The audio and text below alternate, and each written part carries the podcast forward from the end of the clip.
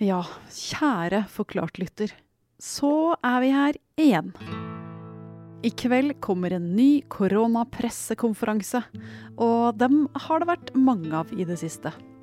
For da omikron kom på banen tidlig i desember, startet en ny karusell med smittetall, smittefrykt, restriksjoner og endrede restriksjoner, før denne lille grinsjen av en virusvariant nesten stakk av med hele julegleden. Men selv om januar har bydd på skyhøye smittetall, konkluderer FHI med at det faktisk er smittetiltakene som koster oss mest. Så hadde vi ikke trengt å sitte i karantene den siste måneden, da? Og hva skjer nå? Dette er Forklart fra Aftenposten. Jeg heter Marte Spurkland. Det er tirsdag 1. februar.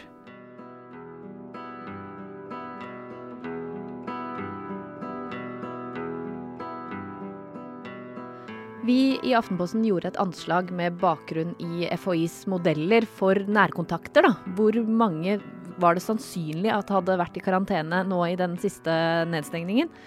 Det kan ha vært opp mot 800 000 som har sittet i karantene. Og det er mange, og stikkordet her er jo nærkontakt.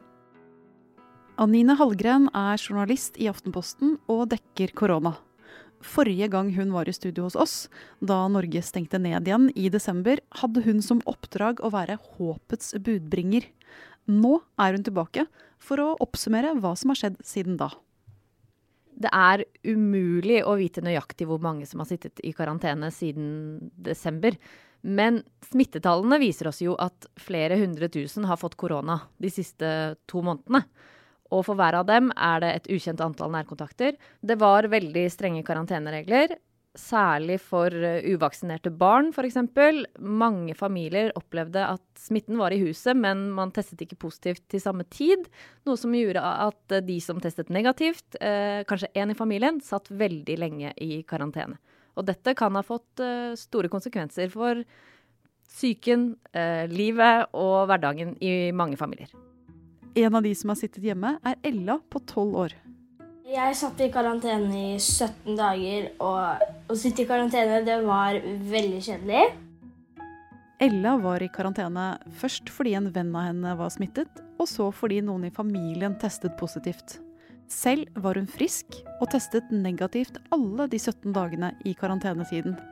Og selv om hun fikk sove lenge om morgenen, og selv om hun var ganske flink til å finne på ting å gjøre hjemme, gikk hun etter hvert litt på veggen. I starten var jeg ganske sur. Fordi de gjorde forskjellige ting på skolen som jeg også liker å gjøre. Og så syntes det var litt urettferdig òg, da. At jeg ikke fikk dratt, men de fikk. Ja, nettopp. Selve karantenefølelsen. Den kan jo gjøre de fleste av oss ganske sure. Når jeg er sur, så kan jeg bli ganske sur og irritert og lukke meg inn på rommet med noe sånn lås og sånt. Ja, og så blir jeg, sier jeg litt dumme ting. Men etter hvert så har det liksom blitt litt bedre. Og Ella er ikke den eneste som har måttet takle et litt svingende følelsesliv gjennom en lang karantene de siste ukene. Anine, de tiltakene som ble innført da omikron kom, de var strenge. Når vi ser i bakspeilet nå, var de nødvendige? Det er jo veldig lett å være etterpåklok, men dette var ekstremt vanskelige vurderinger for eh, regjeringen og for eh, fagmyndighetene da dette kom i desember. Eh, tiltakene ble jo innført pga. en stor frykt for hva omikron-varianten kunne føre til. Var det snakk om at vi ville ha 100 000 smittede om dagen? Ville sykehusene og kommunene knele? Ville det bli så høyt sykefravær at ikke samfunnet vårt ville gå rundt? Og nå som vi kikker i bakspeilet, så begynner man jo også å regne på hva disse nedstengningene har kostet oss, da. Hva kan du si om det? Den siste perioden, som kom i utelivsbransjens viktigste måned, den har åpenbart kostet mye for den bransjen. Kultur, service, restaurant. Eh, alt ble jo avlyst. Alle julebord, alle tilstelninger, arrangementer. Eh, og så har det jo kostet en del for eh, hva skal jeg si, produktiviteten i samfunnet fordi så mange har vært hjemme og så mye har vært eh, stengt. Og så er det de langtidsvirkningene, da. De psykiske konsekvensene av en ny nedstengning. Mange var kanskje litt uh, oppgitt over denne siste perioden. Litt uh, livstrøtte, litt slitne, litt triste. Og litt forvirret over regler og restriksjoner og en ny runde. Ja, For det virker som folk har vært sintere enn før, egentlig. Altså, Man skulle tro at vi har vent oss til dette her med å være nedstengt, men nå har det vært eh, ja, sinna fjes i mange kanaler. Ja, jeg tror mange har opplevd at uh, måtte vi dette en ny runde til? Vi er jo fullvaksinerte. Er det så farlig? Men uh, de måtte handle med det de fikk vite i desember. Og så er det jo ikke bare for hver enkelt av oss at dette kan bli problematisk. Nei, det FHI sier nylig er at når det gjelder sykefraværet, så fører tiltakene nå til mer fravær enn selve viruset og sykdommen. Så da er vi der.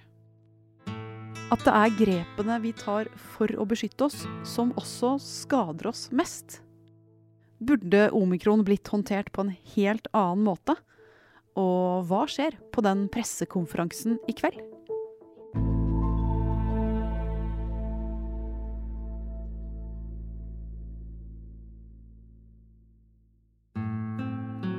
Ja, eh, kjære alle sammen. Jeg vil begynne med å si det på denne måten. Nå er det alvor. Anine, det her er lyden av Lucia-dagen 13.12. Da møtte Jonas Gahr Støre pressen uten å tenne så veldig mange lys for oss. Hva var situasjonen da? Alle var urolig, tror jeg. Det var en slags uh, reell frykt for omikron. Vi visste ikke hva det var. En ny variant. Alt ble avlyst eller utsatt. Uh, omikron spredde seg voldsomt kjapt, og myndighetene valgte å handle. Hva var det de brukte som grunnlag for de strenge reglene som ble innført da? Myndighetene visste veldig lite. Det de hadde, var en god del rapporter fra Sør-Afrika, der denne varianten først ble oppdaget. Og så var det en stor game changer ved verdens største utbrudd utenfor Sør-Afrika, som var dette julebordet på Aker Brygge i Oslo. Der ble mange fullvaksinerte smittet, og de ble også syke. Eh, så de hadde et dårlig kunnskapsgrunnlag ved at de ikke visste så mye om varianten og hvordan den ville utvikle seg. Og de la seg på en føre-var-linje. For frykten var jo at smitten ville bli så stor at uh, den ville skape en stor belastning på sykehusene. Og få samfunnet vårt til å knele ved at alle ble syke samtidig. Hva vet dere om sykefraværet i Norge de siste ukene? Det vi vet, er at sykefraværet har ikke vært så høyt på ti år, siden svineinfluensaen. Um, det er et høyt fravær nå. Barnehager er stengt. Mange bedrifter opplever at mange er syke. Men tallene er også litt vanskelig å tolke, fordi det er veldig mange som uh, har egenmelding, er hjemme et par dager. Um, mange sitter friske hjemme med koronasmitte og kan ikke gå på jobb, men de jobber likevel. Uh, så de harde karantenereglene som har vært, da, hvem har de rammet hardest? Det er jo særlig de yrkesgruppene som ikke kan gå på jobb med smitte. I helse- og omsorgssektoren er det et veldig høyt fravær. I en barnehage så kan du jo ikke gå på jobb med smitte. Eh, bygg- og anleggsbransjen, servicebransjen. Og så har du disse hjemmekontoristene som kan sitte hjemme eh, i isolasjon og jobbe. Og en av de som var på hjemmekontor, var altså tolv år gamle Ella. Jeg savna å dra på skolen, fordi jeg er egentlig ikke en sånn person som liker skolen. Men det ble litt annerledes, da. Så nå er det veldig gøy på skolen. Um, og så um, savna jeg jo venner og fotballtrening og sånne ting, da. Da Ella etter 17 dager kom ut igjen, hadde hun planen klar for hva hun ville gjøre sammen med vennene sine. Vi pleier egentlig å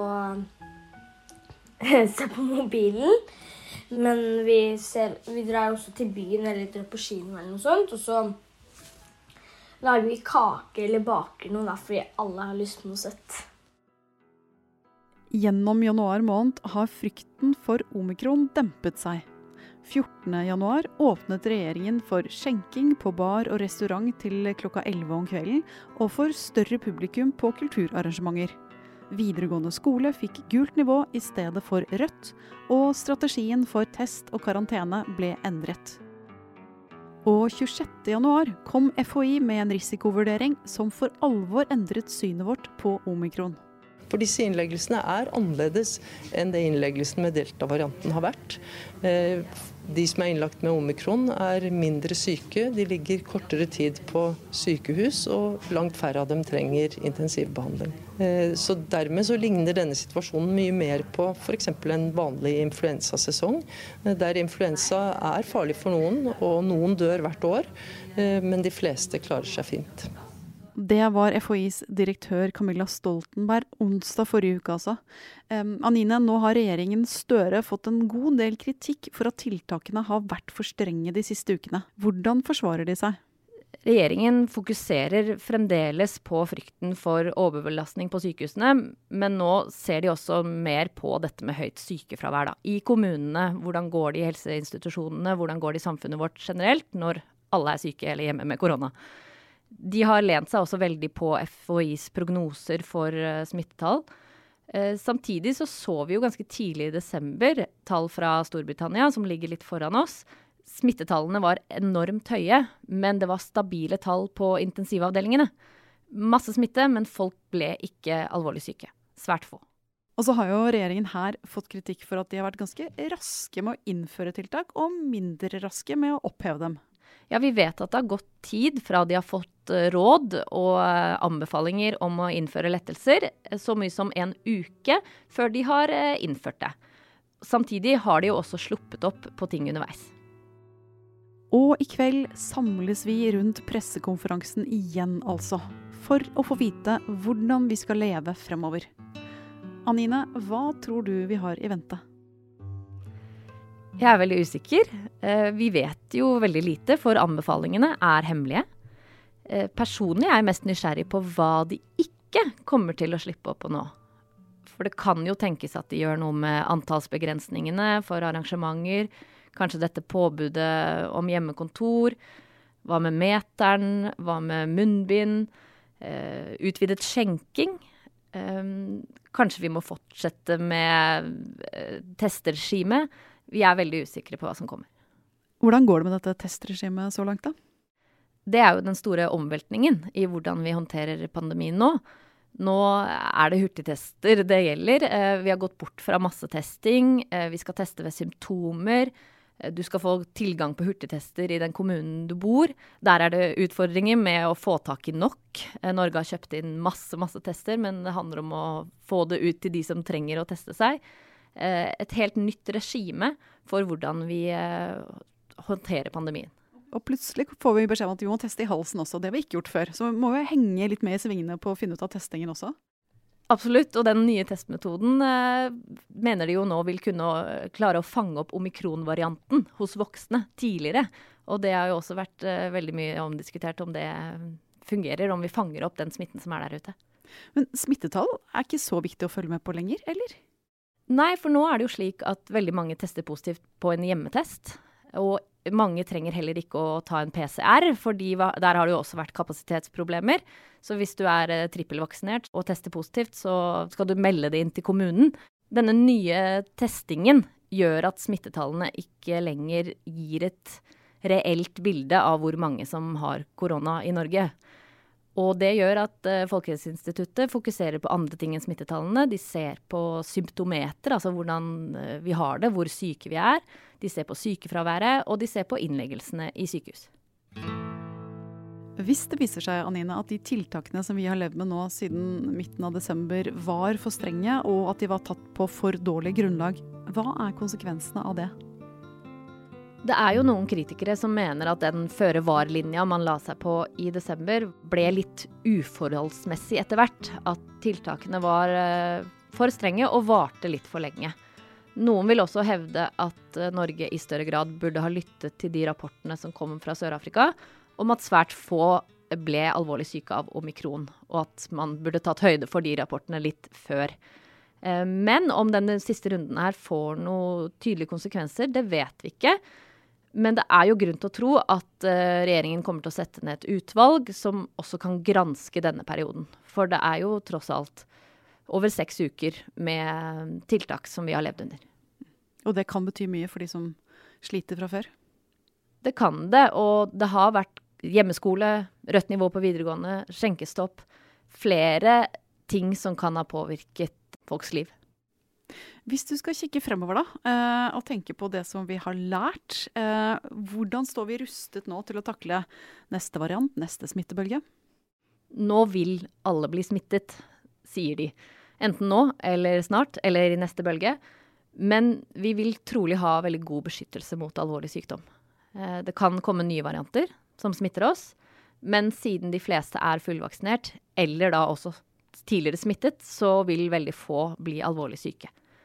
Og da har vi en veldig god immunitet i befolkningen, da, som har vært målet hele tiden. Så du som var kalt inn her for en måned siden for å være håpets budbringer, du er det på en måte litt i dag også? Absolutt.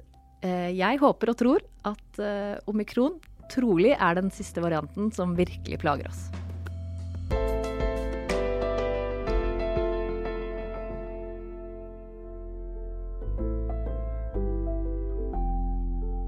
I dagens Forklart hadde vi med oss kollega Anine Hallgren. Og nå som det går an å dra på jobb, selv om du har omikron i huset, har produsent Frid Nesten Onsdag og jeg, Marte Spurkland, kunnet lage denne episoden sammen. Du har hørt lyd fra VGTV. Resten av Forklart er Anne Lindholm, David Bekoni, Jenny Førland, Synne Søhol og Anders Weberg.